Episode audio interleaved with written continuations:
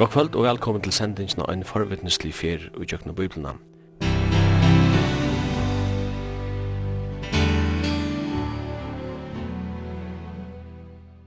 Og sendingen i kvöld kommer at snikka seg om Filippe Brau. Henda sendingen er at høyra og i lindene kvart mykje kvöld klokka 19. Og i studion er Simon Absalonsen, Jekon Zakariasen og teknikar er Taurer Poulsen.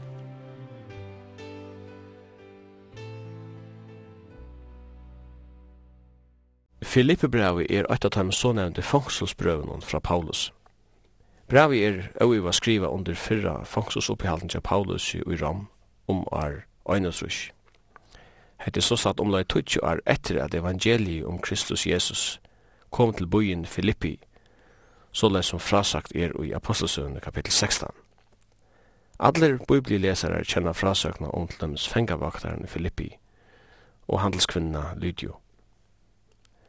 Ein av orsøkene til at apostelen skriver hetta brev er at takka finna gavu han er finnji fra taimen. Likla åri og i braunon er at Kristus Jesus er naumikje, og åri glei er attervendande. Ta menneskje få ein oppfyrt i skatte og landamale som er Kristus Jesus, så verir gleien ein naturlig parster av til kristna løyvnum. Ein kan undra seg iver at ein fengi som høvundren vær, kan utstråla slukka glede som vi sutja og jesum brav. Men brav minner okkona at salen vil ikkje metta av materiellen loton, men finner bæra kvult tja Jesus Kristus som er såner gods og frelsare heimsins. Bravet til er bært fyra kapitlar. Og i fyrsta kapitlet sutja vi til dømes at Paulus sier at liva er med Kristus og deien er vinningar. Og i øren kapitlet innskjer han at samme sinnelega som er i Kristus i Jesus skal eikjenne alt godsbøden. Og i tredje kapitlet lyser han hva sutt stavnhald er i løvnen, er kjenne Jesus Kristus og alt anna er som skatten samanbore vi er kjenne Herren. Og i fjord og seneste kapitlet sier han er nøgtseme, styrkje, iverflø og så framvis. Alt er a finna i Jesus. Öll godsbøden hadde liva et nekv rygare liv, om landarmalene i Filippe Braunen av sonnen vore fire fyretøymen. Jeg kan ikke gå tog som er spørst, jeg byrja vi, eh, hva vet om byen Filippi? Filippi var en, en gammal byer, og Arjen han blev en romversk koloni som hendte i år 24 eh, fire krist, så, så hei han, så var han ikke nek utviklaver som han gjørtes ta i romver kom til Filippi. Navnet Filippi, det kommer fra Alexander de Stora. Han, da han kom til Filippi av synen herfæren, ta gav han eh, byen etter nødja navnet etter papasen, eh, Filippi Annar.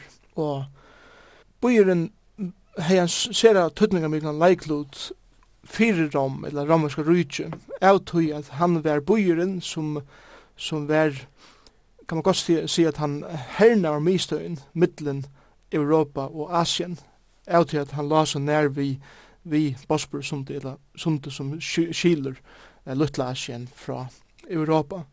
Og tog høyte romverere en, en ekvelige sterska eh, herstu i Filippi. Så tessvekna var han områdant.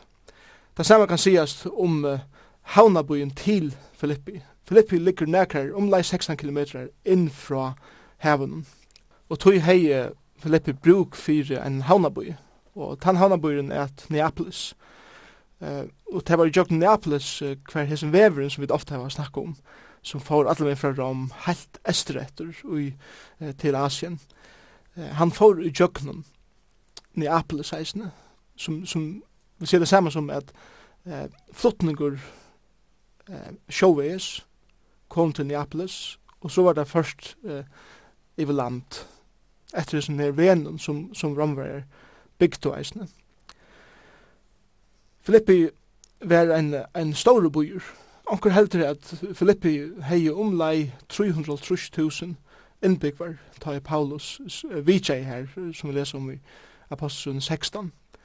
Uh, han var en ryke byer, han var en byer som var en utbyggingar mistu, av til en, en, en ekle stor laknaskole, var i byen. Og anker vil være vidt til at kanskje var Lukas utbygging i Filippi.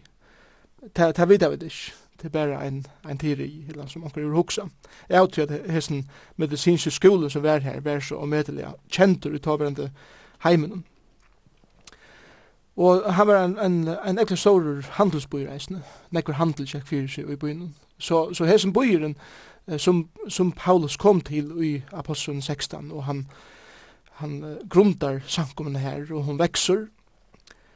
Så her fanns det en løy til eh, samkomman, og til henda samkomman som Paulus skriver her brevet til, og, og ta i Paulus skriver Filippe brevet, ta hever, ta er samkomman omlai tutsjare gommel, hvis vi kunne uh, kanskje si at sankumann var grunda, omlai år 2-3-3, og Paulus satt i, i fangsli her år 2-3, stutt åren han var leisla at natt, så tutsi år setten så vil det brev skriva til samkunni Filippi.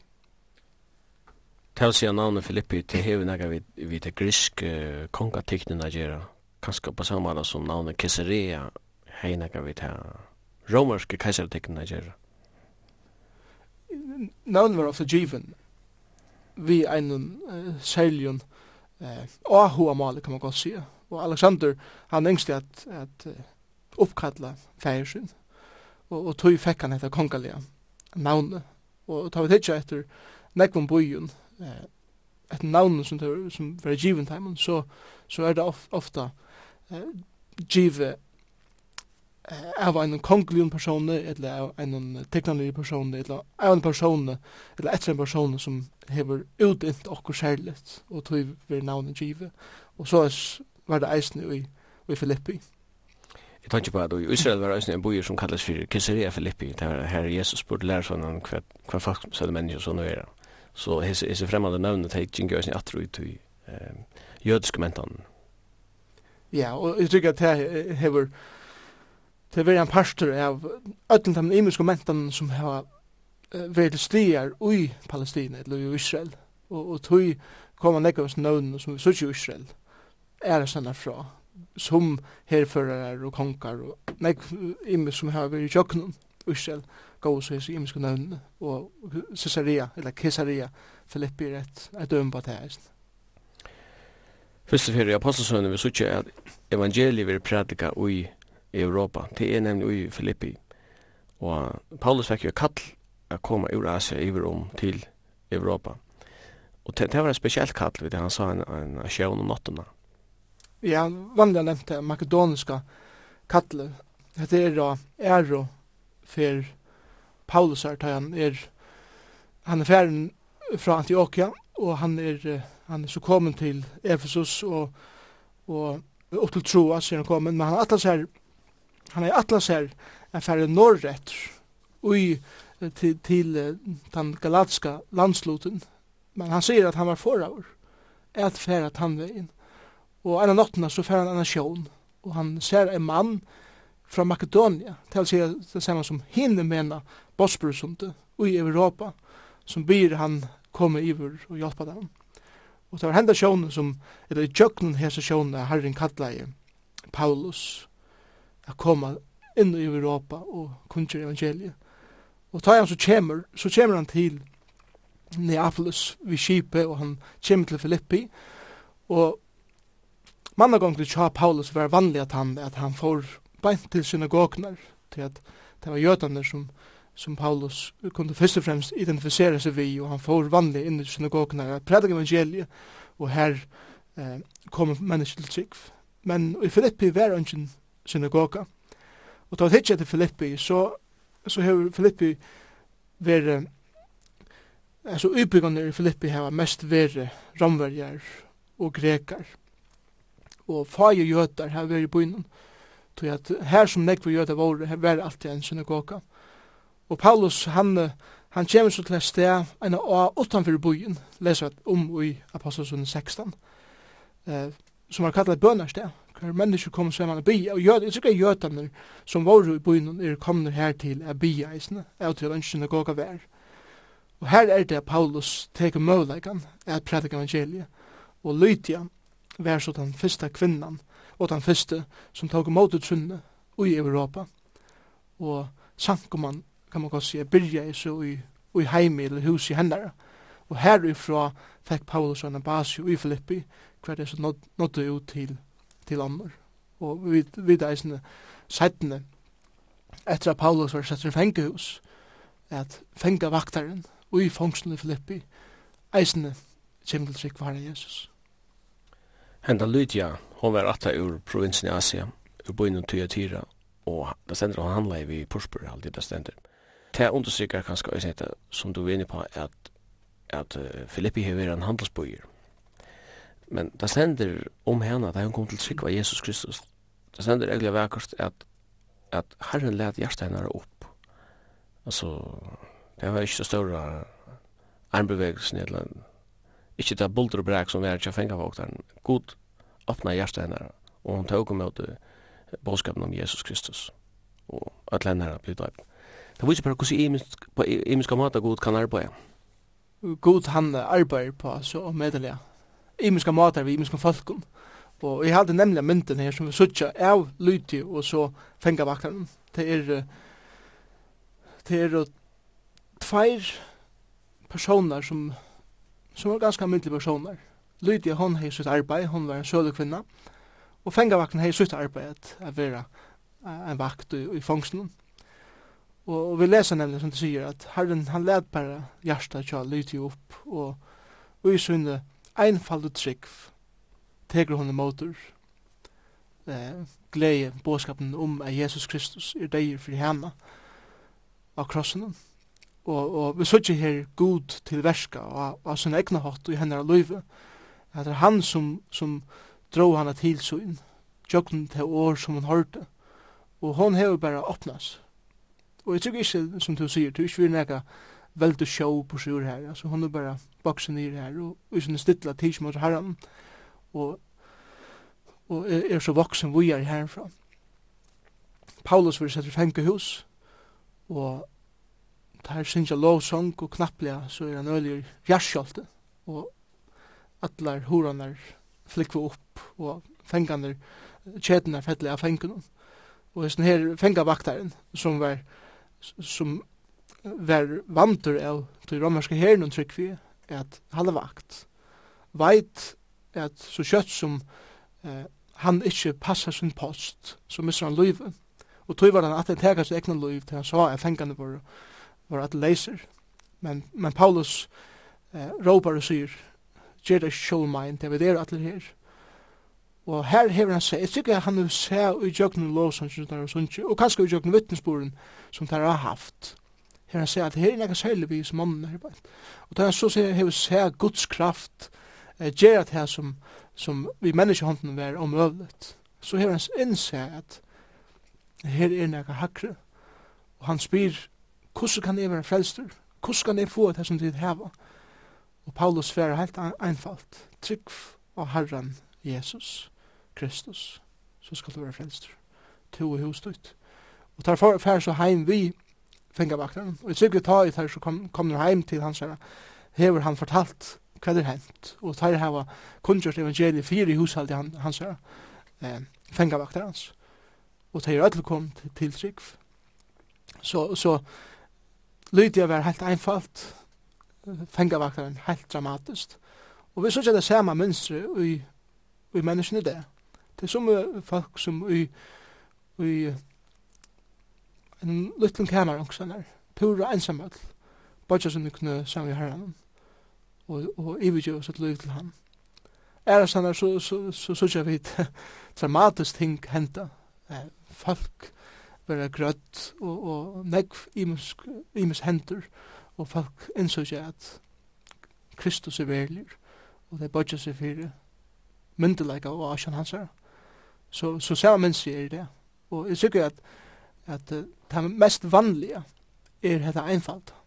Og ofte ein vine forteller en, en nøren om hva Kristus har gjort i sunnløyve og andre djevs Og vi sørger at vi tidsje etter hvordan evangelisering ganger fyrir seg det, så kommer fleste folk til trygg eh, tjøkken en vin som er kommet til trygg, og ikke tjøkken som veldig eh, møterøyner og eh, eh, Billy Graham-stil møter som vi har Några folk kom trygg for tjukken det, men flest du kommer tjukken det einfalda matan, for en viner vittnar for en öre om hva Kristus har gjort.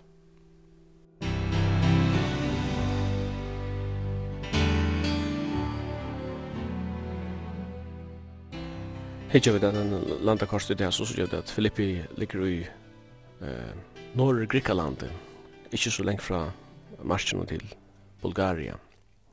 Og du nevnte at tala mer om en romerska koloni. Det er sikkert at Paulus og Silas som var binder uh, mishandleir i Filippi, så tids det som at daumaren er uh, i Filippi, vi at hoflandjadar bliv radder at han tog at uh, en romersk statsborgar han, han kunde ikke færa vi som der vilti, han er krev på en, en, en civilisera rattargång hvis man kan bruka det uttrykk og det ble bengner at jeg hørte det tala med romerske statsborgare. Paulus var en mester i å bruka eh, ta framgjør alt som han hei a vera en romerskur eh, statsborgare. Og til nemna det som du sier her, Bent, en, en romer, han, han måtte ikke rørast utan han fikk en rattvisan eh, rattargeng. Og han kunde ikke dømast, for han er veri jøkna til systemet, eh, jøkna ratten, som så dømte han. Men det, det som var nok så vanligt og hans nere døven var det at de som ikke hadde romerskan borgerskap, um, særlig slavenar, trælenar tar var viffarnir akkurat som, som dyr, og, og tar var huflangter og slittner og blekar i fengkehus og, og nekve imens anna, utan nekran eh, ratt. Og ta i Paulus og Silas var tikkner, så vera tar tikkner, som om at her er bare noen ukas som kommer til byen og, og har ånka framkjøret.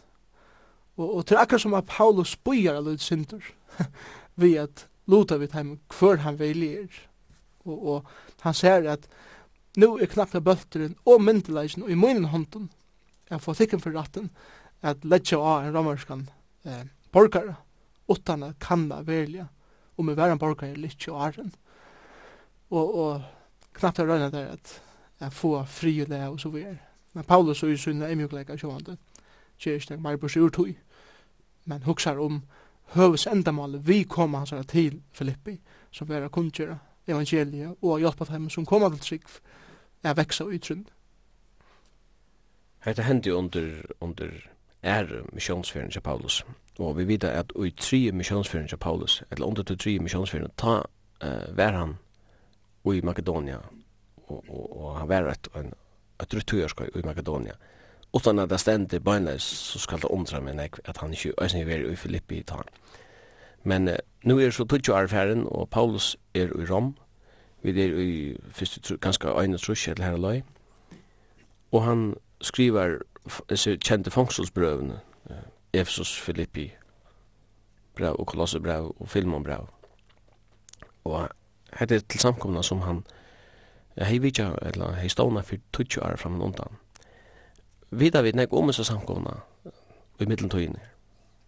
Vi vet hvordan samkomna eksisterer 20 år siden da Paulus skriver til samkomna her, her i sin brev.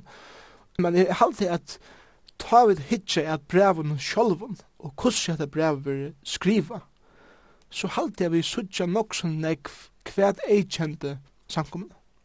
Og, og vi søtja til dømes at, at henda sankumann i Filippi var en sankumann som var organisera. Hon hei en struktur. Og ta søtja vi fra fyrsta verset, Paulus og Timotheus, tennar Kristus Jesu, til alle henne heileve og i Krist Jesu som i Filippi er. Og så stender akkur som et set, til det stender ikke stender, vi omkjørna munnen og sankumann tænaren.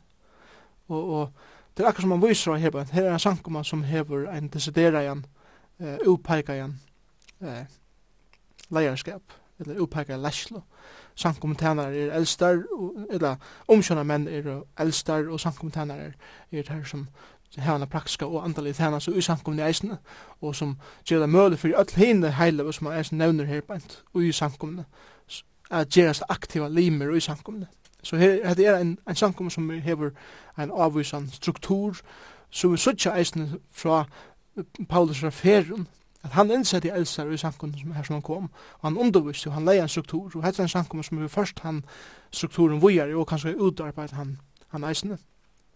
Så det var nekka som ei kjente hisse samkommet i, i uh, Filippi.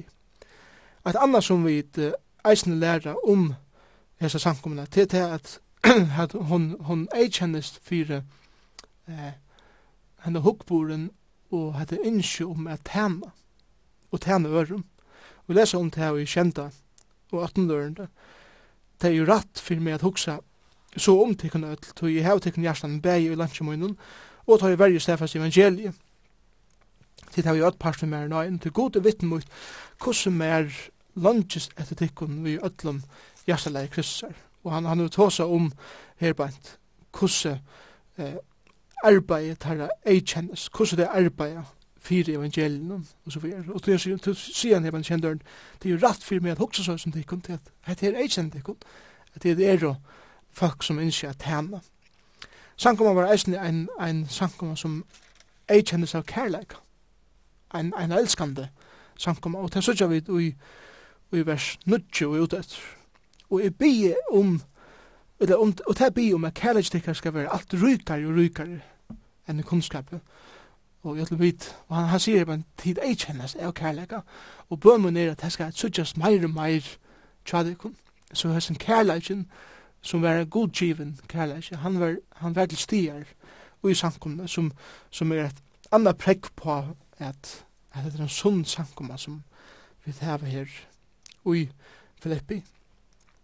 Men Og i ødlene her, så har vi eisne en samkomme som, som er ekkelig avlåpen. Og hon sender, hon sender fire nekvun i muskun eh, åttane fra. bei falske lærere leser om i tredje kapitlet. Falske lærere, og hun har snøytja sine samkomna og, og læra skaivar og falska lærere. Men eisen rent fysiskt, så er det samkomna og i vanta. Og til lesa vi fra til om tjej tjej tjej perskulde livtikkara som høskande i evangeliet Kristus For det om vi nu kommer av sutja tikkun, eller i fraværende, kan få at høyre om tikkun, at de senda faster i einen anda, så hesten einleitjen som sutja reisne, så tid vi eine sal berja saman fyrir trunne av evangeliet, og i ongon at det kan ria av motstøv mannen, og det er teimen merskje om undergeng, men tikkun om frelse, og det er fra gode, tykker vi jo givet for Kristus skuld, ikkje best at trykva av han, men eisene at loja fire hans herre skuld. Tid heva jo samastrui, som du så ikkje mer, og nu høyra om meg. Og, og Paulus sier her vi samkomna, jeg veit, jeg kjenner tykkara strui, jeg kjenner høttene der som, som er i måte tykkara, Men han sier, men hatt er jo en pastor av til andalega loivene sammen Kristus, som Kristus hever loia, så skulle tid eisen loia sammen vi honom. Og jeg tykker at, at, at det var eit av tog som gjør det disse samkomna, enn sunna samkomna, var det at de hadde mågeng. Tog jeg tykker at, at det, det kristna loivet, det andra loivet, er ikke bare at man hever vigongt, og det har gongt vel, og alt er bare godt. Jeg, jeg tykker at det er, er, er en åsund godfrøy, at hugsa så. Jeg tykker at en sånn godfrøy er til at lukka mykje hos mitt liv ser ut, og i måka ikke, er herren med meg her. Han er så ren, og han fører meg tjøkkenen, kjøkkenen, det som er ferdig tjøkkenen. Og det var kanskje en av grunnene for at kærleisen og einleisen var så stor, og i disse her samkommende. At annars som vi lærer i, eller om samkommende Filippi, er til at hon var en samkommende som var løyen. Hon var løyen eh, eh, bovun, Guds. Og det sørger vi til dem i, i øren kapitlet, vers 12, Eins og tid til jeg elsker min alltid heva vært løyen. Så arbeid ikke best, eh, ikke best som ta er være tjatikken, men oppa den nekk meir når vi ikke er tjatikken i åtte og biman, oppa frelstikker. Og han sier her, tid er jo lyttene eikjenne tikkun, og, og til et sunt tekken oppa, oppa sankumna. Et annat som jeg kjente hese sankumna eisne var til at hon, hon var en moralsk sterk sankumma. Hon stod opp fire sannleikan, og hon lade ikkje eh, sannleikan være trakka igjen, nyur. Og så tja, til lømmes her i øren kapitlet, eh, i tria verset, gjer ikke strusjo eller troen, hese tomar i er, og hette henne med moral a gjerra, eh, moralskare rattar i æru, men i ei mugleika rokna hvers anna hagri enn tekken sjolv, og ikkje heva hvers egna fyrir eia, men eisen eit hvers te som øren høyrer til. Så hette er en, en, en sunn sankoma som Paulus amener her. Hette er en sankoma eisne som, som hever vogn fyrir framtøyna. Det er så det tredje kapitlet, og i vers 20 og 21. Borgarskapur okkar er i himmelen, hen vantar vi deisne eh, som frelser Herren, Jesus Kristus, som skal omskava virusnes likam okkar, så det blir lukt durdar likam i hans herra, etter kraftene som han eisne kan letja under, alt under seg vi. Så han, han gjev dem vogn her om at det er nekka som bojar okkom fyrir framman, og det er hjelpt samkomne at, at halda av. Et annet som vi lærer om samkomna, som, som er et utrolig eh, størst sunnheitstegjen Og til til at, at sankumma var en gavamild sankumma. Vi leser om i fjore kapitlet at sankumma hei givet Paulus i en, en stora peningagav, en gav som de hadde sendt til hansar og i fongsen i Rom, allan vegin fra Filippi, som sjående var en lenk, lenk fer. Og vi leser om det her i fjore kapitli vers 15. Til videre jo eisen sjolver Filippi menn, at i fyrst tog evangelium stod jeg for a sted ur Makedonia, hei angel sankumma rockning vi med eh, om givi eller motige utan best tid og tog eisne ui Thessalonika sendte til mer Bei eina fyr og tver fyr til som er tørvei. Så her sørger vi at her er en sankoma som djevur systematiskt og reglulega til herrans tænare og til herrans versk. Til at nu fer han atur eh, Flippebrev er faktisk en responsor på og en takk fyrir de gavene som han finner i fangsten. Og, og, og her leser vi at han eisen finner er, er til æra tøyer. Et annet som vi sutja, det er at han sankumann Filippi hei ein kursier og jeg lest flere gåar leiarar i sankumene. Og vi leser til dømes i, i øren kapitlet eh, vers vers 25 her leser vi om en mann som heter Epaphroditus, som kom til Rom og gavene, og som Paulus sendte så alltid til Filippi vi, vi som brevene. Og han sier han om henne her, jeg helt var nøyut å sende Epaphroditus til tekkar han som er bror min og virker og struer seg med og som er sendte med vår og tjener tekkar og hjelper mer er i trångt min. Det hun er langtest etter tikkene ødlen og han er ongan fri av seg er tog at de tøyde hørst at han er sjukur og han var eisen sjukur og de er sjukur men god miskunn i hon og ikke personen men mer vi som er ikke skulle være sorg om han har sorg og så videre han sender inn atter til tikkar og det som at hans mauren her et brennande hjärsta fyrir sankomne heima. Og han, han lunges heima atur og han gledes kom heima til at arbeida ui, ui sankomne her. Vi leser eisene om tver systrar som kanskje hever okkur strui i middelen. Og her, her, her skriver han så til ein av leieren i samkommende, og han byr han å få frivillige middelen seg sissene. Og her sørger vi en sterskan leier som tårer å komme inn i situasjonen og, og praktisere samkommendisciplin hvis det her skulle være nøyut. Så her, her har vi den samkommende som hever sterskan, eh, eller sterskan leisle. Så alt det her, vi jøknes i 20 årene, som Paulus nu eh, det er hese tøyene som vi gynnsi fra det Paulus byrja samkomna til han jo skriver etter brev. Så sutja vi ui eh, breven og at han hatten som han skriver på at det er noe ting eh, som ei kjenner hese samkomna og som ei halde okkar samkomna i det jeg kunne lære fra samkomna i Filippi.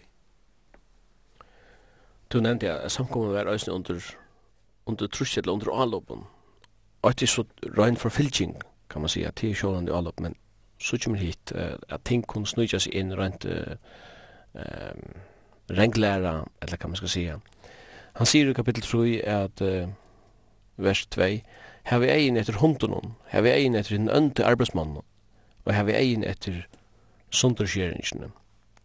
Og nå vet vi at dette var ui til de griske. Og... Kan det hoksas at han sier bare til uh, et noe gnostisisme? Gnosen Sistman, hon eikjende hessa tøyen, og, og hon eikjende kanska, og hon var sterskar jo i imensko bojen, og så veikar i øren. Men jeg vil ikke sjoe at at Gnosen Sistman hever haft sinne avvirskan her, det er jeg vil ikke sjoe. Um, han sier her at her vi egin i etter hunden, Da vi uh, hugsa om hundar og akkar og døven, så sørger vi et uh, jord som uh, vi hava heima, og vi tar okkur vel av dem, og de er en pastor som ekvinn av familien og, og vi elskar okkar hundar og så videre, og vi hava, kanskje ikke nekkur fyrir men nekkur utanlanda, vi hava hundar framsynningar, hvor hever den penas hunden, og hvor hever den best vanta hunden, eh, vi brukar hundar til eh, i politiarbeid, dømes, eh, at, at, at, til arbeid som skal at, her. Men ta vi tog som hundar i fyrsta öld etter Krist, og eisne hundar som var tås her om gamla sement, så, så er det en helt annan tuttningar enn vi, enn vi heva av hundar i det. Hundar og, og hesendøven var et viltjår som ønsken ville heva inn i sitt heim, og, og tar jingle bara leiser, og tar, tar var utrolig farligir, særlig mot bøtten, og vi kunne kanskje ta oss om grøllans hundar og i det. Hvis jeg baden detter, så er det her beina vi av baden og skriver det sundur. Og det samme kan sies som hundene her i gamle døven. Der var eh, der var det som, som lopet tog som døye, og der skratt og rester sumter av jorden som var deg, som ulvar gjør det. Og, og tog er han brukar etter året om hundar. Da jeg hørte året hundar, så visste jeg at det var noe som gjorde ho heben, at komme øyletja, og komme at, at dolka, og komme at, at skrie sumter. Og, og, og det er tøtning som han hever hebent. Og det er Det er nekka som hefur Jesus til kjennar her i samkomni og i, i Filippi. Om det hefur vært gnostikar her, eller om det hefur vært eh, legalistar, kanskje jødiske legalistar, Jeg tror alle dømer at han sier og har eie etter sunderskjeringsene. Ta, ta sibel nok til um, jøtar som halda seg til omskjeringsene og, og som har hoa kommet inn i samkomna vi syne legalismen. Og han talar mot det her på Og han talar mot det samme i Kolossebrevn. Og særlig i Kolossebrevn tar han mot gnostisismene. Og han tar eisen her om ønd og arbeidsmennene. Så det kan godt være at det er folk som har en tænas i samkommende. Men som har bare sitt egna for eia. Som han eisen talar mot det i ørenkapitlet. At hvis du hugger som ånder, helst enn du hugger som åkken sjolv. Og hette kanskje falske lærere, falske samkommende limer som kommer inn, vi tog for eia at vi skulle øya disse sangkomna. Kanskje anker spyr hva det er prognosisisme for nekka, hvis, hvis du helt stått kan forklara hva vi tar så om. Ja, vi kommer til å ta så mer kanskje om gnosisismene uh, i detaljen i Kolossebraun, men gnosisismen var en, en falsk læra som var avvirka av greskare filosofi og æren eller øren filosofien som, som uh, hadde hoa snøyta seg inn i kristendommen. Klassicismen lærte det at likammen, det fysiska, er et uh, fangsel fyrir salina. Og salen er fengt av ysen likammen. Og, og likam er ønt, det fysiska er ønt, og det metafysiska det er det som skal frygjerast, og det er det som skal nå det perfekta, og det perfekta, det får vi det utjøkken vitan, utjøkken utbyggving, ikke utjøkken at ivergje okken til, til nækan. Og, og tog var Kristus ein fengi sin egnu likamme. Såleis er okkar sval eisne en fengi okkar egnu likamme. Og, og hendan filosofien lærte det at vi skulle avsanda og avskaffa og nyur trusta likamme. Vi tog for eie at, at skapa okkur vitan og nå at det er perfekta, som ikkje er okkara oppfattan av hver god er skapar heimsins. Tog at gnostisismen sa god skapar heimsins som en undan god som bare yngst at, at, at gjøre noe ønt. Og, og vi skulle nå langer atter enn det, til en annan god som er bedre enn han. Og til i stutten, knastosismen. Og evangeliet det er jo uh, ganger ut på hette akut sjølver er åpenberaver og i halte altså i Jesus Kristus og det harmonerer jeg helt, helt kjellig vel ved gnostismen akut kunne klea seg i halte og blå det er nemlig her som det er her som det kommer inn og sa det at at her som goden som du sikker på at det er fullkomlig skreft han, han er han, han er fengtje han er fangsle og vi må komme bort fra hans her og det kommer inn med sin egen filosofi om bare hukse om at salen skal gjøres fri. Vi må hukse filosofisk og henne greska eh, godalæren og filosofien der saman vaut kan man godt sige, inn i hvor Kristus vær. Og de gav dere Kristus. Og de søtte av Kristus vær ein annar godur som var sender fra sin originala goden, er frelsokken fra sin ønda goden i gamlatsment. Og, og til han eh, som vi skulle gløyma til fysiska og bare hukse om til andalig eller metafysiska som han bjør ok. Men som vi leser i flippbrann, og som, som kristna tryggven er baseret på, så er det bare det metafysiska og det fysiska som Gud har skapt og han er en atlan vi. Du nevnte året hundar som han nevner her i Filipperaunen, tre kapittel. Og at året hundar skal, skal suttjast ui tui, uh, ta tui er hva som sier, mentunar høpe, ta tutning som året hei ta. Men uh, jeg må også om at jøtar brukte òsne året hundar om høytningar, så leis generelt. Og enn fyrir var det en høyen kvinna som uh, røpte uh, røpte av Jesus om hjelp for døtteren kjassar. Og lærersvannen sier vi han, men han slipper kom borster. Og han sier, det er ikke rett å teka at jeg breie fra bøttene og kasta det fyrir henne små av hundene. At det var åren til marsteren selv.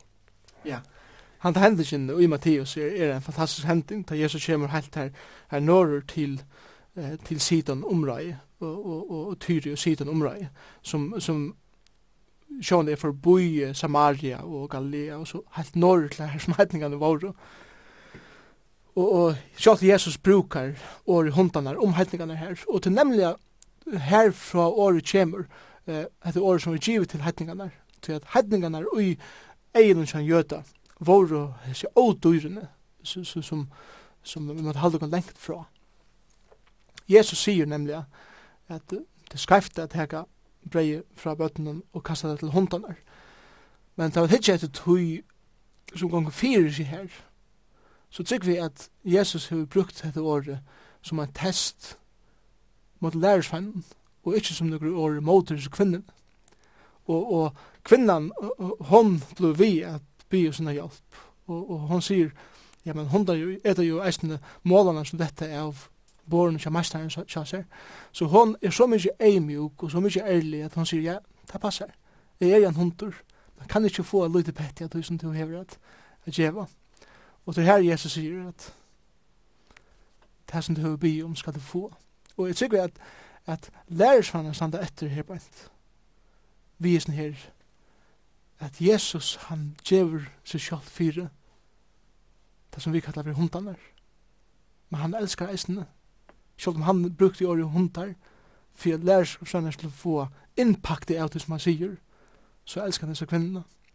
Og, og det som hender her er, er en utrolig test, bare for lærer lærersønner først og fremst, men eisen for seg kvinnerne, at hun ble vi, selv jeg er en hundar, men jeg har bruk for sin hjelp. Kjemmer, kjemmer, kjemmer. Og hun fær til. Og lærer lærersønner stand etter her. Tar jeg fått til testene, kvinnerne, stå testene, og, og at det er en fantastisk bruk av hessen åren hundur som er brukt her. Og Jesus brukte mestarlig en. ikke mot kvinnene, men for å lære lærersvenner hvordan han els, eisen elsker det, det som han selv kallar det for hundur.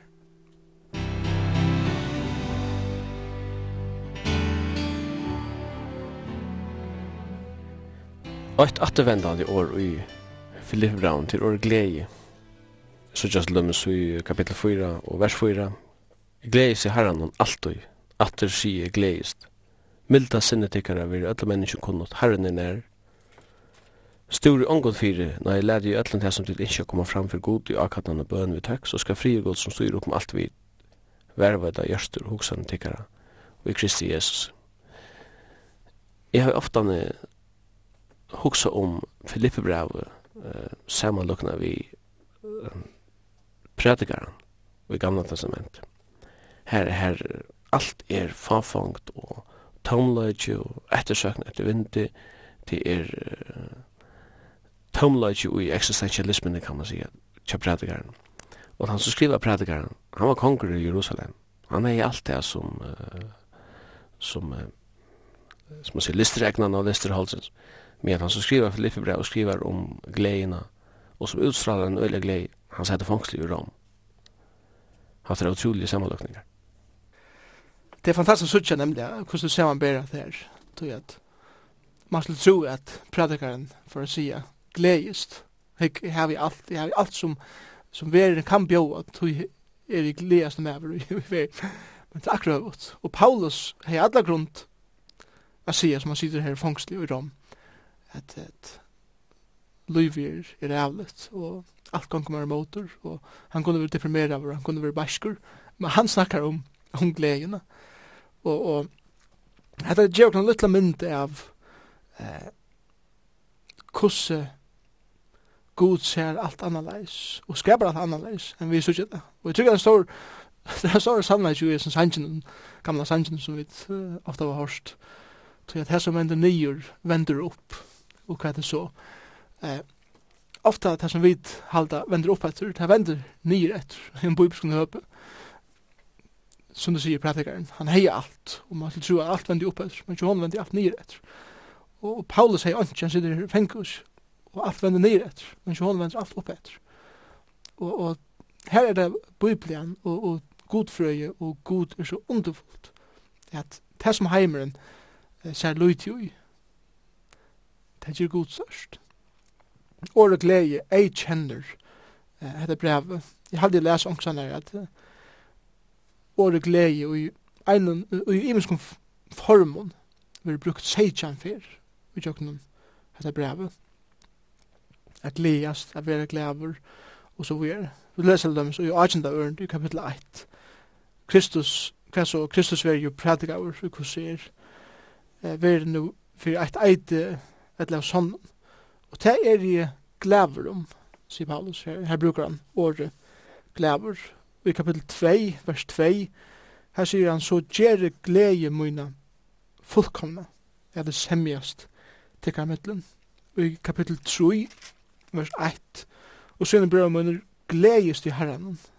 Jeg skriver sema til dere, jeg trøyta mye, og det er tikkun tryggand. Og til å les så sjálfur her i fjore kapitlet, vers 1, brøvmunnen, mine, som jeg elsker, og som har lunsj etter glede mine, og kransmøyn. Og så atter i fjora ørene gledes her, at vi gledes. Så, så atlan veien i jøkken her, så ikke vi dette, dette året gledes. Og man kan tro at Paulus sæta Hotel Ritz og skriver her i en, en deilig heiten boblebæ og saveblørner der blører ut om bæk her, han sitter her og av veien i saunene og, og lukka av veien i saunene skriver dette brevet. Men det er slett ikke kjåleis. Han sitter her luncher til en annan eh, romerskan soldat og skriver dette brevet. Eh, Bojan til etter, ferie er komme livande fra hesen et litt.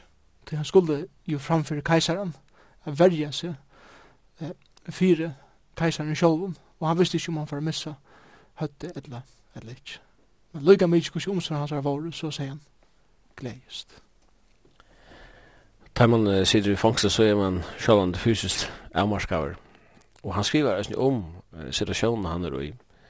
Så sier han at uh, jeg vil at jeg skulle vite at det som hever mer fire, og ta hoksar han nok om lunchenar, hever heldig veri evangelien til frema. Så her vi er våre allar løyvaktene og ötlun hinn skyldet at det er for Kristus her skuld er i lunchen. Og henne fleste av brødrene hava vi lunchen munnen, og alle de i herran finnes ikke enn møyre dirve at tala orkots øttaleiser.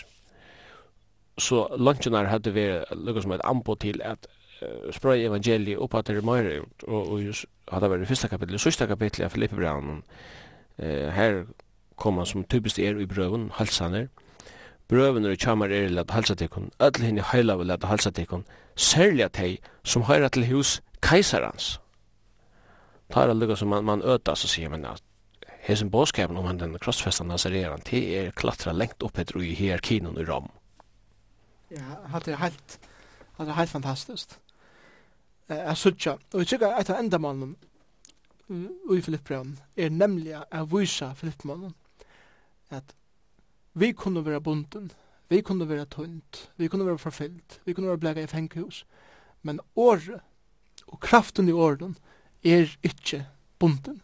Hon er ikkje i, i lunchen, selv om vi kunne være i lunchen. Og, og Paulus, han brukte tær omstunder som han var i, til frema for evangeliet. Og han sædde ikkje bare grenja og sier hvordan synder i honom, men han brukte hessa situasjonen, og han, han dodde jeg suttja Guds fingur, Guds hånd ui sin liv i alla vegin. Og til at han nu var lunchaver, og han ikkje fysisk fekt flutse som han gjør det over, så sier han, ja, men, herren sett meg her til å bruka meg, og som du sier, han kom, han nådde til hakste i rujtjen, sjalt inn i hierarkiet i rujtjen, hos keiserans, for han prædik evangeliet fyr. Og jeg tykker at hese tøyina ta i Paulus veri i fengehus i Rom, er sankommun i Rom voksen, og tro den ekv og, og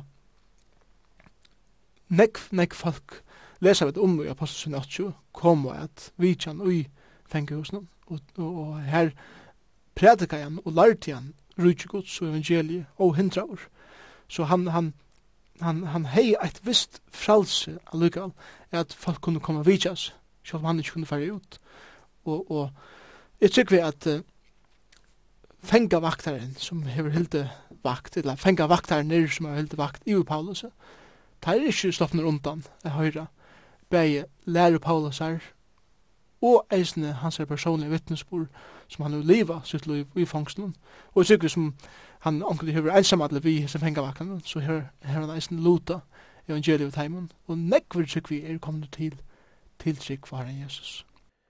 De fleste menneskene, de elskar livet, Og vi kjenner det som at det er løyve fer ta er det et, et, et øyelig tap for dere som mennesker. Men han sier, Paulus i første kapitlet, er at at livet er med Kristus og deien er vinninger. Jeg kallar deien for en vinning. Det må stande motsetning til det som de fleste fall sin oppfatter deien Det er ikke nye om det. Og, og til, nemlig her atter, et dømme på det som er nye vender opp. Og, og ta mennesker hittar etter degen, så hittar vi etter degen som om at nu er alt i steg og og ikke at han men men Paulus hukte at sunne løyve og i ljósen av avleikan og han sa hans i her halvtrus, trus, halvfjers, furs årene bare som en luttlan røyk av til avia løyvene som han skulle liva og han, han, han visste det at ta i er kommet til det punktet og i hans fyska løyvene som er hver, hver er rent fysisk skal dodja, så er det ikke et hep. Så er det en vendingur til at nu fer til det livet som bor meg. Nu, uh, dette livet som vi lever nu, uh, og i huksnarhotten tja, det tryggvande det er vera, ja, jamen hette jo bare, hette bare jo upphiddigen, hette jo bare perman til det bojina, som, som innebär søvne om avleikan. Hette bara, hette nesan ikke gong i iverskriften til, til det. Og ta jeg kom inn i avleikam, ta jeg kom inn i himmelen, ta jeg kom inn i nærvær gods, ta jeg kom andre til andre vi frelsar min Jesus Kristus.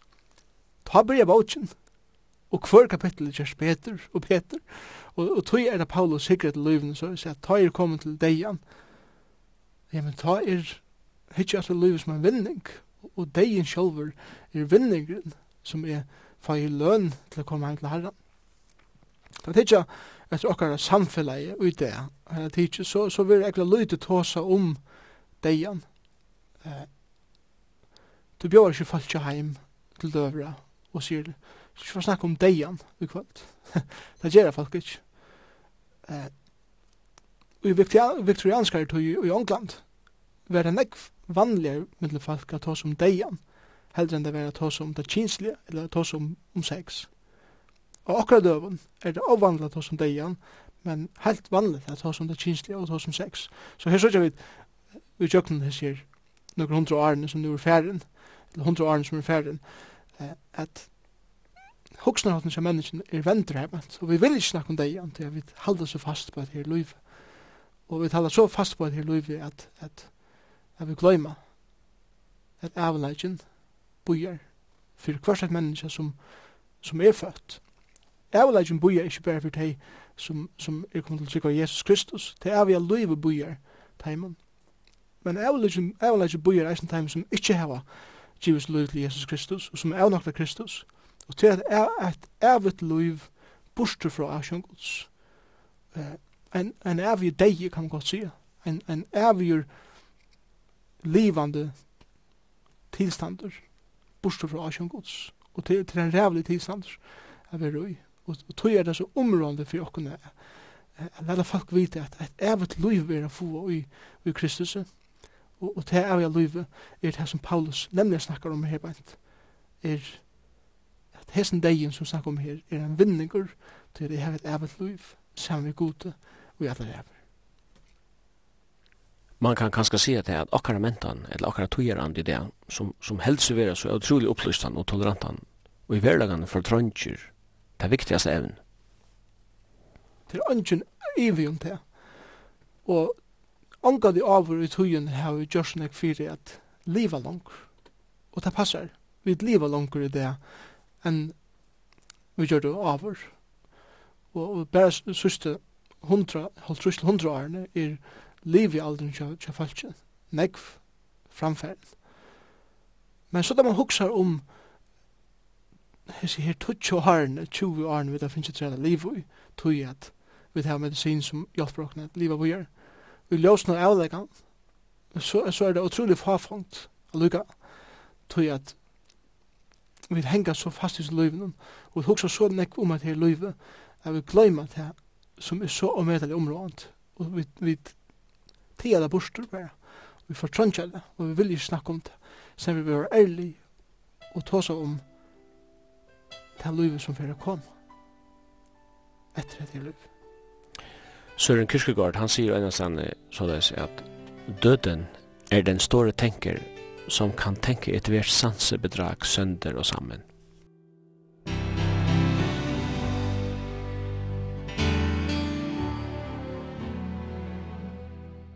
Og i øren kapitlet her tosser han om sinnala Kristus her og han, han innskir, etterlyser, eller vånar at det skal eikjenne alt godsbød.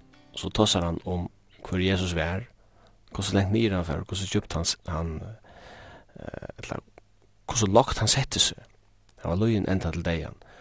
Og så hvordan utrolig høgt god vi sett han, og navnet som nevnt vi Jesus Kristus til i öllun øre nøvnen, og for tog navnet skal uh, først knæpa seg, og hvert hunga skal gjøtta. Er veldig dimensjoner i hessen.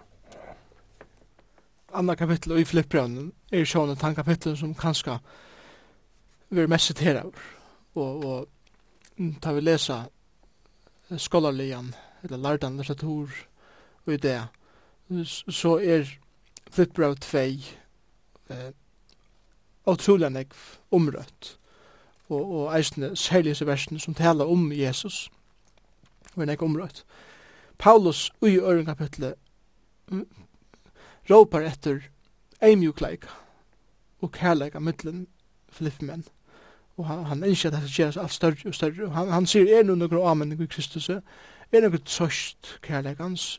Er noe samfellandans? Er noe hjertans? Er noe hjertans gøska og muskon? Så gjør jeg glede i mine fullkomne. Hadde er ikke spurningar da jeg leser det så lever det som, som spurningar. Uh, eksisterer det her nå. Men uh, hette skriva av en, uh, en grammatisk form av griskum som kunde omsett, vil omsett så is. Vi te at det er nøkker anmenning i Kristus. Eller, nu tar det er nøkker trøst. Eller, nu tar vi kunne være vis i at vi heva et samfellas andan. Eller vi heva hjertans gøske og miskunn så verer glede min fullkommen. Det han sier, hette nekka som, som er til stier, langko. Og anmenning her er, er, er, er, er at, at peika av Kristus til trøst i kærlegan, til er ei samfunn i andan, til er hjertans gøska og muskun er få, og til at gjer glede mine fullkomna, sier han. Men så fyrir han vujere og sier, til vil sier samme, om til er til stier, så må hette eisene være til stier tjatikon, semjes til karmetlen, at det var samme kærleika, samme sal, samme troan, til å se samme som einleika. Anki gira strusshove, eller troan er tomar i æru, og dette talar om, om sjálfsøkne og eisen om stoltleika. Men kontrast og i eimjukleika rokne kvars anna hagri enn tekun sjálf. Det vil si samme som bodget tekun nyer og litt i ånder opp om tekun sjálf. Ikke jeg bare tykker egna for eia, men hugsi eisen om det som øren vi kjemmer.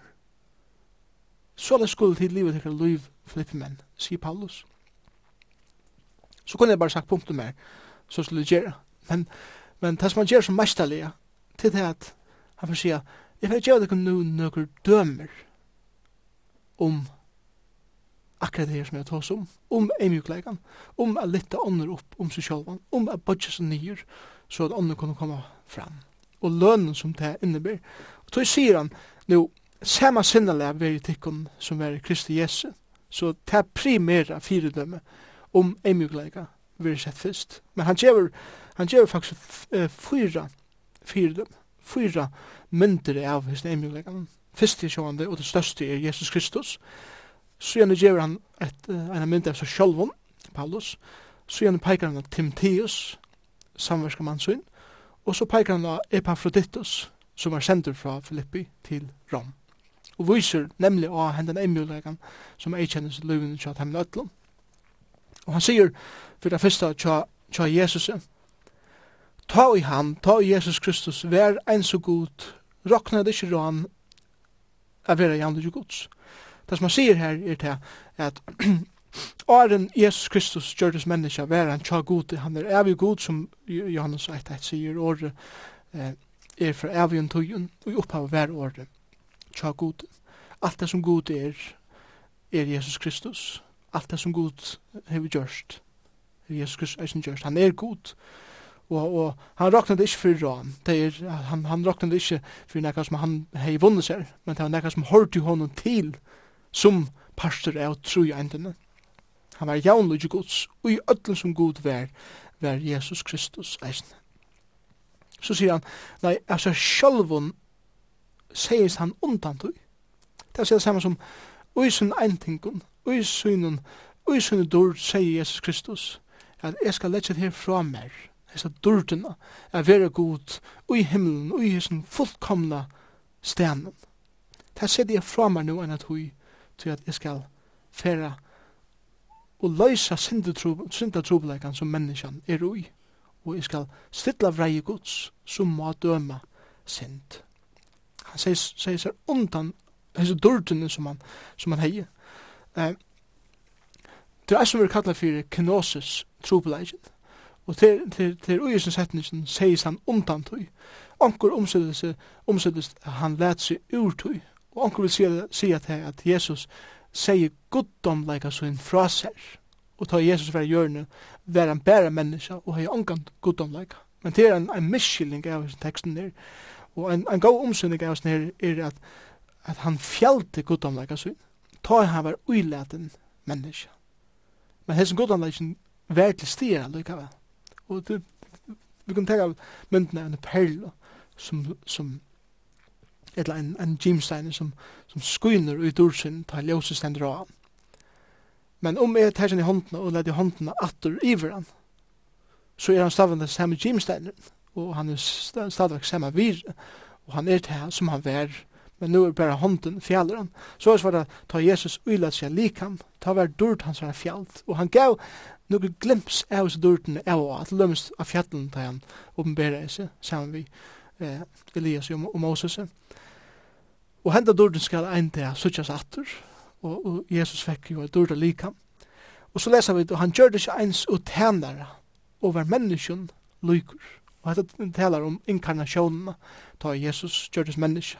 Og han bokte seg, og ta og stiger fram som menneske, sett han seg sjåan lagt, til å si samme som han gjør det til en tænare, en træl faktisk, en som tatt i øren, og gav sitt liv fyrir ånder.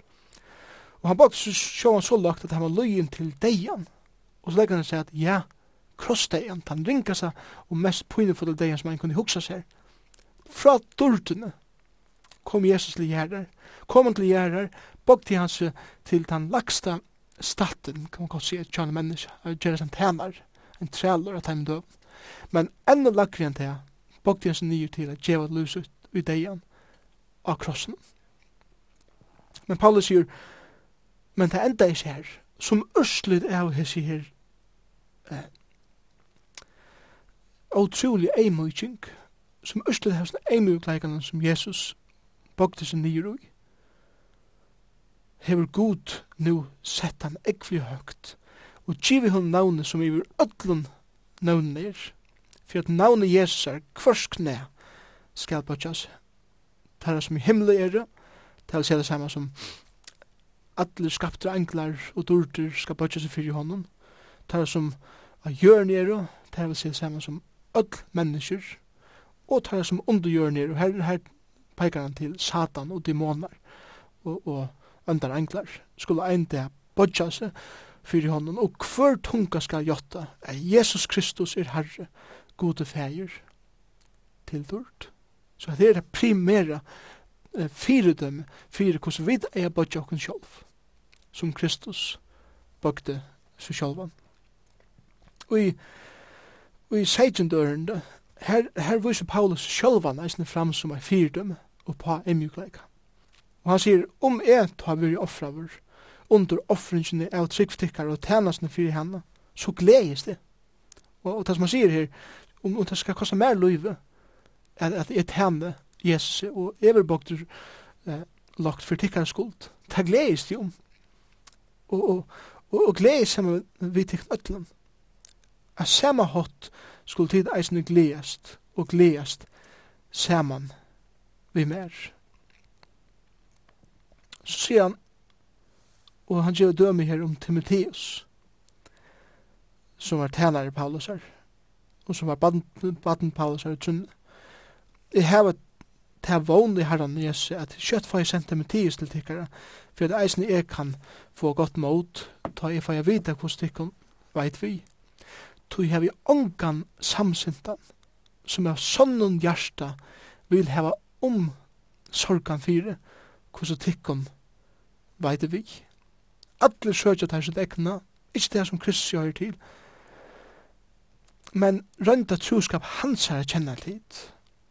Og eins og baden tæner færesen hever han tant mer i evangelium. Han vågne i at han får sendt vi det sema som vi får sutja hvordan vi mer verur og ta og jeg har til alle det herren at det sjås skal komme kjøtt. Så han sier her at Timotheus er eisne dømi på hvordan han tæner og bøtser sjålvan og at hava omsorgan for øre menneskjen. Og så endelig senere så, så gir han Epaphroditus som dømi, som lås om i Johanne. Jeg har Jeg hadde vært nei at jeg sendte Epaphroditus til tikkare. Han som er bror min og viskar og strøyer sem vi mer. Og som er sendte meg og tænare tikkare at hjelpa mer i trångt mine. Så her, her gjør han fyra dømer om hva det betyr og hvordan det ser ut rent praktisk at eimukjas og at livet et liv i eimukleika. Jesus Kristus som det primæra fyrir dem fyrir okkom.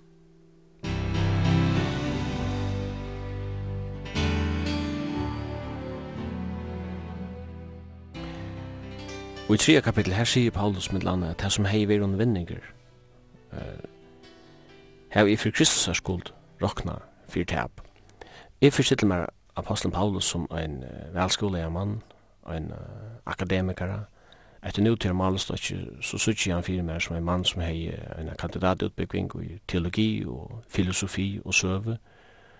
Og hei til som menneskjan i det er størst i uh, karriere og vitan.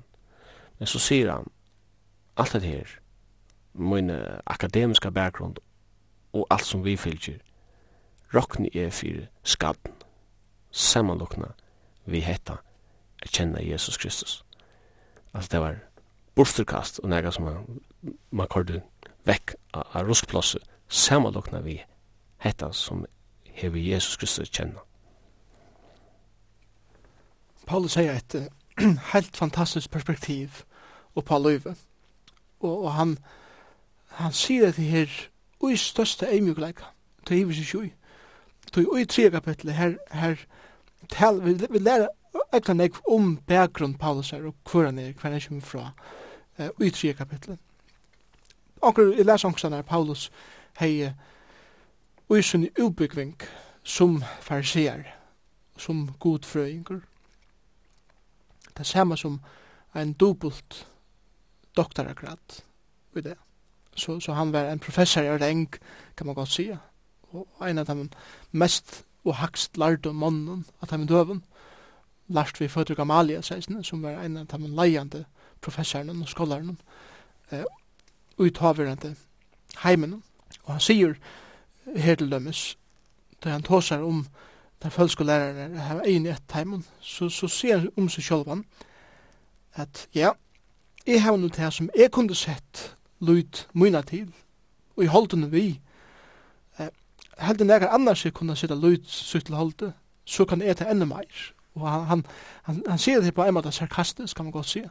Til han, nu får han sier alt som han er utdømt, som man, man løter for å kalla for skatt.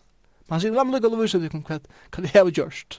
Han sier, er i omskår natten av dagen, han sier som er jøte, er det Tjo, tjå Israels av at Benjamins, er, er i hebreere er hebreere, det er, er ekstremer, da det kommer til min nationalitet. Jeg er og et lovende farsier til hans er utbyggving, som er en egentlig høy utbyggving. Og meir, ta meir enn en utbyggving, det var eisne lovstyler.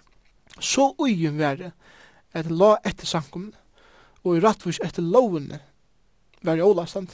Så han sier, det som er, ta jeg var etter sankumne, ta jeg drep og ta jeg tog til fengar til tryggvand. Etter lovene helt til at jeg var pura rattur innfor god. Og i munnen eh, eldhove at drepa, helt til at jeg gjør det gode antennas. Ikke vidande om at jeg var under dome gods, og jeg var etter god til sjolven, og måtte god til sjolven. Og, og jeg helt lovene ut i as, et lovene og lastant. Jeg har ønska peika av min liv som jeg gjør det mot. Og så sier han her, han lukka sier, nek her, det som var mer vinningur av jeg for Kristus skuld råkna for tap. Og sannlega er råkna alt tap mot tog som mengan mer vers kjenna Kristus, Jesus. Helt fantastisk.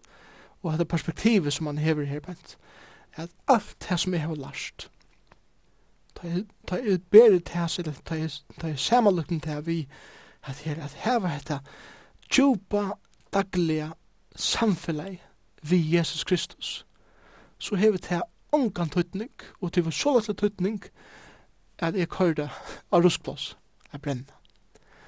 Men allikevel, så er det områdende i hesten her at skilja at Paulus ser det tveir ekstremer oppherbent, og han, han, han sier det her for å vise av kusse og mødelen jeg kan elska Kristus, og kusse og mødelen eh, står en prøys han sitter på dette samfunnet som han hever Kristus. Jeg tror ikke Paulus sier at alt det som jeg har vært i jøkken, alt det som jeg har lært, min utbygging og alt det som, som jeg har vært i jøkken, mine livsrønter og så videre min liv, er pura ikke verdt der. Så jeg er sikker at, at, at det som gjør det Paulus, eisen til en mann som var vær, vær hans er utbygging, vær det som han langt heilast, og han var mester i argumentera motor til han lovlarte, til han kjente lovna, han var mester i at argumentera motor dem eh, filosofisk lærte, tog at han var så vel lysen i filosofi eisen. Så det ligger som om at det som god har først han i tjøkkenen, åren han gjør seg band Guds, brukte nu god i hans herre tjeneste, fyrir seg sjølvan, fyrir at han kunde være enda effektivere i sin tjeneste. Motsetningen til hukboren til Paulus, hette at, at strømbetre lærer Kristus kjenner, Det finner ut Ron Brown og etter han tåsar om mennesker at, at uh, det ble mist utar av dara hjärsta. Tog det råkna det for ønske viri hava kunnskapen om god. Og til lykka som han sier Ron Brown og etter at det er menneskene er tusen og sjøen at han råkna det for ønske verdui hava kunnskapen om god. Ta i botneren måter av tomlega og dorskap. Det er akkurat den her her som som er så omøtelig områdende til å trykkende fast i det. Jeg kommer nemlig til at her, altså, at alt det som jeg har, alt det som jeg har utdelt, alt det som jeg har, og i menneskers egen vunnet mer, det, det, det hever ikke sida, til at jeg må komme nere av bottene, nemlig her, bant, og, og skilja til at jeg får ikke sånn vimmer, og at det største for meg til å leve mitt liv for Kristus, det største for meg til å kunne ha samfunnet ved Kristus. Og ta ta sånne her hukkboren er på plass, så trykker vi at alt hit for å komme på plass. Eisne? Og det var nemlig det som gjør Paulus til en så omøtelig, ei mjukan, men eisne effektivan tænare Kristus.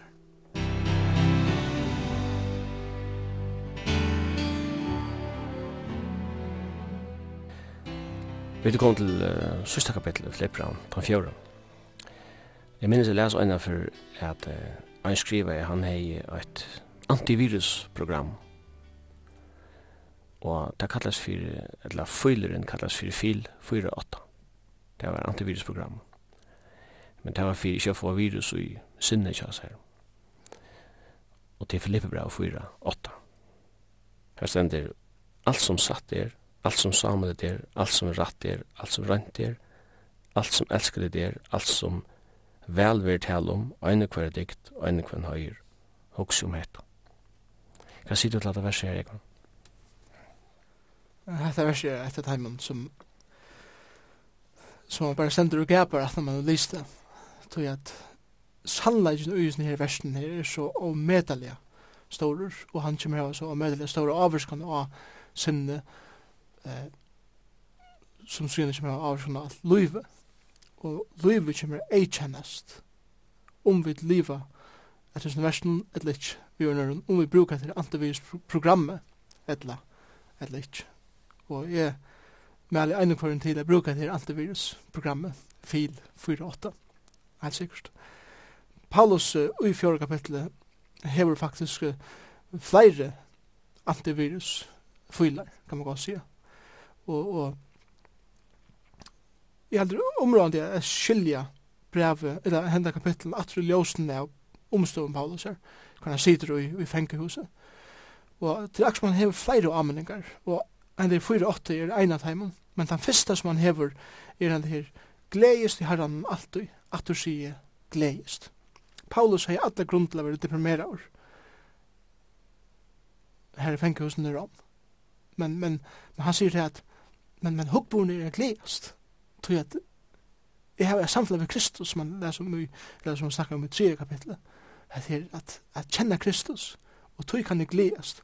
Og det er en glede som, som ikke, det er ikke en akslatræ glede, som jeg pleier å det. Når man kan akslatræ i munnen, så smulis man alle tøyene. Men det er en glede som, som sier, lukka mye hver omstår munne er, så er det en innere glede i min løyve. Selv om jeg ikke kan flenne, så er det en glede som, som er herbent. Men det andre som han sier, femte ørende milda sinne tikkara veri öllum menneskjum kunnot. Og her er det en amenning om mildleika. Paulus sier alla grunn til å være bæskur, som han sitter i fangsten her om. Alt gong han motor, han, han sitter her i fengehuset og fyrst kjørst her som han, som han, utla som vidhild og han kunne kjørst. Men han sier, men bæskleikis til ikke nekka som skal eikjenna mot loiv heldur. Mildleikis skal, milda sinne, og at det er sinne, tog som er medvendt. Lat det være öllum menneskjum kunnot, lat folk La det være kunne sagt om, om det. At du er milder personer. Ta det du hugsa om, om Paulus i fengkusen i Rom, så han kanskje eisen til atla grunda stora. Han sitter her, og han veit ikke om han for å komme livan til deir fra eh, rattarsäkin som han skal framför kejsaren, vi. Men han sier så, for at sier vi til, ja, men stor i ången. Han sier ikke eh, stor for nøkron, tingun, eller Han sier, jeg styrer ånkom fyr, men leder jo ødlund her som du vil ikke komme fram for god, vi akkadan og bøn vi takk. Og, og vi leser ofte det verset så, styrer ødlund fyr, og leder jo ånkom her som du ikke komme fram for god. men han sier, styrer ånkom fyr. Leder deg fram for herren, leder deg fram for asjon gods, vi i akkadan og bøn, og eisne vi hesen hukvorn vi takk. Og hva er østlig og tøy, så skal frier gods, som styrer om alt vit menneskens, Vær var det gjørstu og hugsanen tekkara. Gjørstu, kjensler og hugsaner. Intellektuelle eller sinne. Tekkara i Kristi Jesu. Så gjerne kommer til åttende ørende, som er halde er en avmenning om at, at heva en sunnan moralskan livsstil, eller hukkbor, for det første. Det første var glede, det andre var mildleisje, det tredje var ikke øttast, men at koma til god, Og det fjore her at, at heva en reinan moralskan hukbor, alt som satt er, alt som samlet er, alt som ratt er, alt som rent er, alt som elskulet er, alt som velverd hel om, ein og er dikt, og ein og hver heier, hukse om etter. Det er lett sinne seg at vera fyllt av hessene, lett vera være størst av hessene her. Og så, så gjerne til seinast, så gjør han eisene et en amening om at liva et ratt loiv, altså i gjerne sin, hvordan vi liva akkurat loiv, nudgen døren, og det som tid eisne hava larst, og tidsi vi, og horst, og sætja mer, gjerre det, så skal god frierens være vi tikkun. Og måtte dette være nekka som vi, som er bøtten gods, hukse om, at lykka mykje hver mine omstøyrer, så innskje at vera en maver eller en kvinne som ei kjennes av glede, som ei kjennes av mildleika og ikkje baiskleika, som ei kjennes av, av, av frie og ikkje sturan, som ei kjennes av moralskar dikt og ikkje otroskap, og som ei kjennes av, av reinon løvstille og ikkje noen skittnen og tvittnen. Og, og så sier Paulus her til seinast i 13. Alt er i mentor i hånden som gjør meg sterskan. Her sier han ikke til at jeg kan bare gjøre alt, og jeg kan klare alt. Men han sier, alt er mentor i hånden som gjør meg sterskan. Og han sier her i tutsjendøren at det har vært meg til såra glede i herren at det nu endelig at jeg sender vel til kjøttekon at det har finnst ikke hod at hjelpa mer. Ikke tog at det ikke huksa hos over, eller at det ikke huksa om meg over, det er bare ikke til tilkjøttekon hjelpa mer. Hetta sé ikke trongt tog at hava lust at leta vera mer no much ta sum eg hava eg do vel av er små og jeg do eisne vera at hava EU-flow. Vi konstant og vi öll skifti er je kunnur, bei at mer mettur og vera svenkur, bei at EU-flow og at luja trongt Og i hesson samband sé alt vi mentur sum i hon som kjemmer særskan vi gjør nøren, luika mykje kos luivi kjem ser ut. Lyga mykje om jeg har trångt, eller om jeg har ivflå. Lyga mykje om jeg lyga hunkur, eller om jeg har nok at eta. Lyga mykje om folk er mot mer, eller folk er vim mer. Lyga mykje om jeg sykje deia fri egin, eller om jeg sykje eh, frelsna fri egin, det var leisleiten. Det kan gjøre samme, tror jeg. Han som er ui mer, han gjør meg styrk, at liva mot liv vujar ut av en omstående som han er utgivet mer av livet i. Og så endrar han brev ved å sige, og god moin skal etter rujtje døme søgnen fylla alla trångt tikkare og i dord og Kristi Jes. Hånden, god i feir okkar vir dorden og i allar, og i altor og allar ever. Amen. Og, og Paulus endar brev her vi, vi er peika og minnest kvarjon til tema. Gode, og honom høyre dården til, og i alt og alle lever. Halde tekken til han, djeva tekken løy til han, tæn i honom, eh, livet saman vi honom, livet saman vi Kristus, kjenne til her underfotla samfunnet, kjenne til underfotla livet, er fylgjast vi Kristus, lyga mykje kurs omsorg til karriere. Her er Kristus freia, her er Kristus som stavnhald, og til karriere, Og måtte her være min sørste år reisende, til han som lustar i det, og som kanskje enda ikke kjenner Herren, Jesus som sin frelsare. Jesus døy i eisne fyrir til, og han innskir at to eisne kan få et liv som ei kjennes av glei, kanskje to et liv ei kjennes det av, av sorg, og kanskje en vånleisare sorg. God kan gjeva til en glei og en vån som ligger fyrir framme. Kanskje lustar du og, og liv til er ei kjennes av baskleika og hætre og måter øre menneskjen og kanskje eisen tunne omstøvn. Men Herren ikke er djeva her et sinne som er eikjent av kærleika og mildleika. Og kanskje er du ute her og du, du erst øttafutler. Du reist omstøvnar, du reist løyve, du reist morgendagen, du reist skal boja fyrir framman. Men du hever et steg hver du kan færa vi ötlen, du som, som, som trykket det nyer, og som, og som trykket det nyer i avgrunnene. Og det er Jesus Kristus. Stor ången for men bleka det framfor Asjan Guds, og han skal gjøre den fri som du aldri har kjent og avr. Og kanskje er det anker ut her som ikke klarer å styra sin sinnalei, sin i huksan. Vi har lesa Filippe brev, kan Herren hjelpe deg å liva og huksa rett, og liva et, et liv som er rett. Men til livet kan ikke livast åren du kommer inn i samfunnet av Jesus Kristus.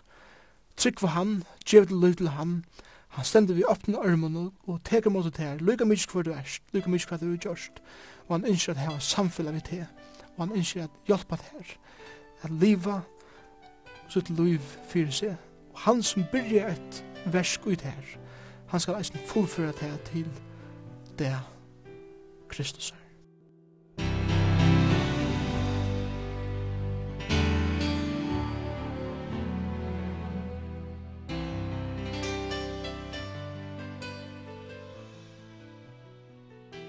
Vi er så kommet til enda av sendingene til åkken i kvöld, og jeg skal si fra at henta sendingen og en farvindeslig feriekjøkken på Bibelna er at høyre lindene hvert mye kvöld klokka 19, og i studion er Søymen Absalansen, Jekvann Zakariasen, og tekniker var Taurer Poulsen.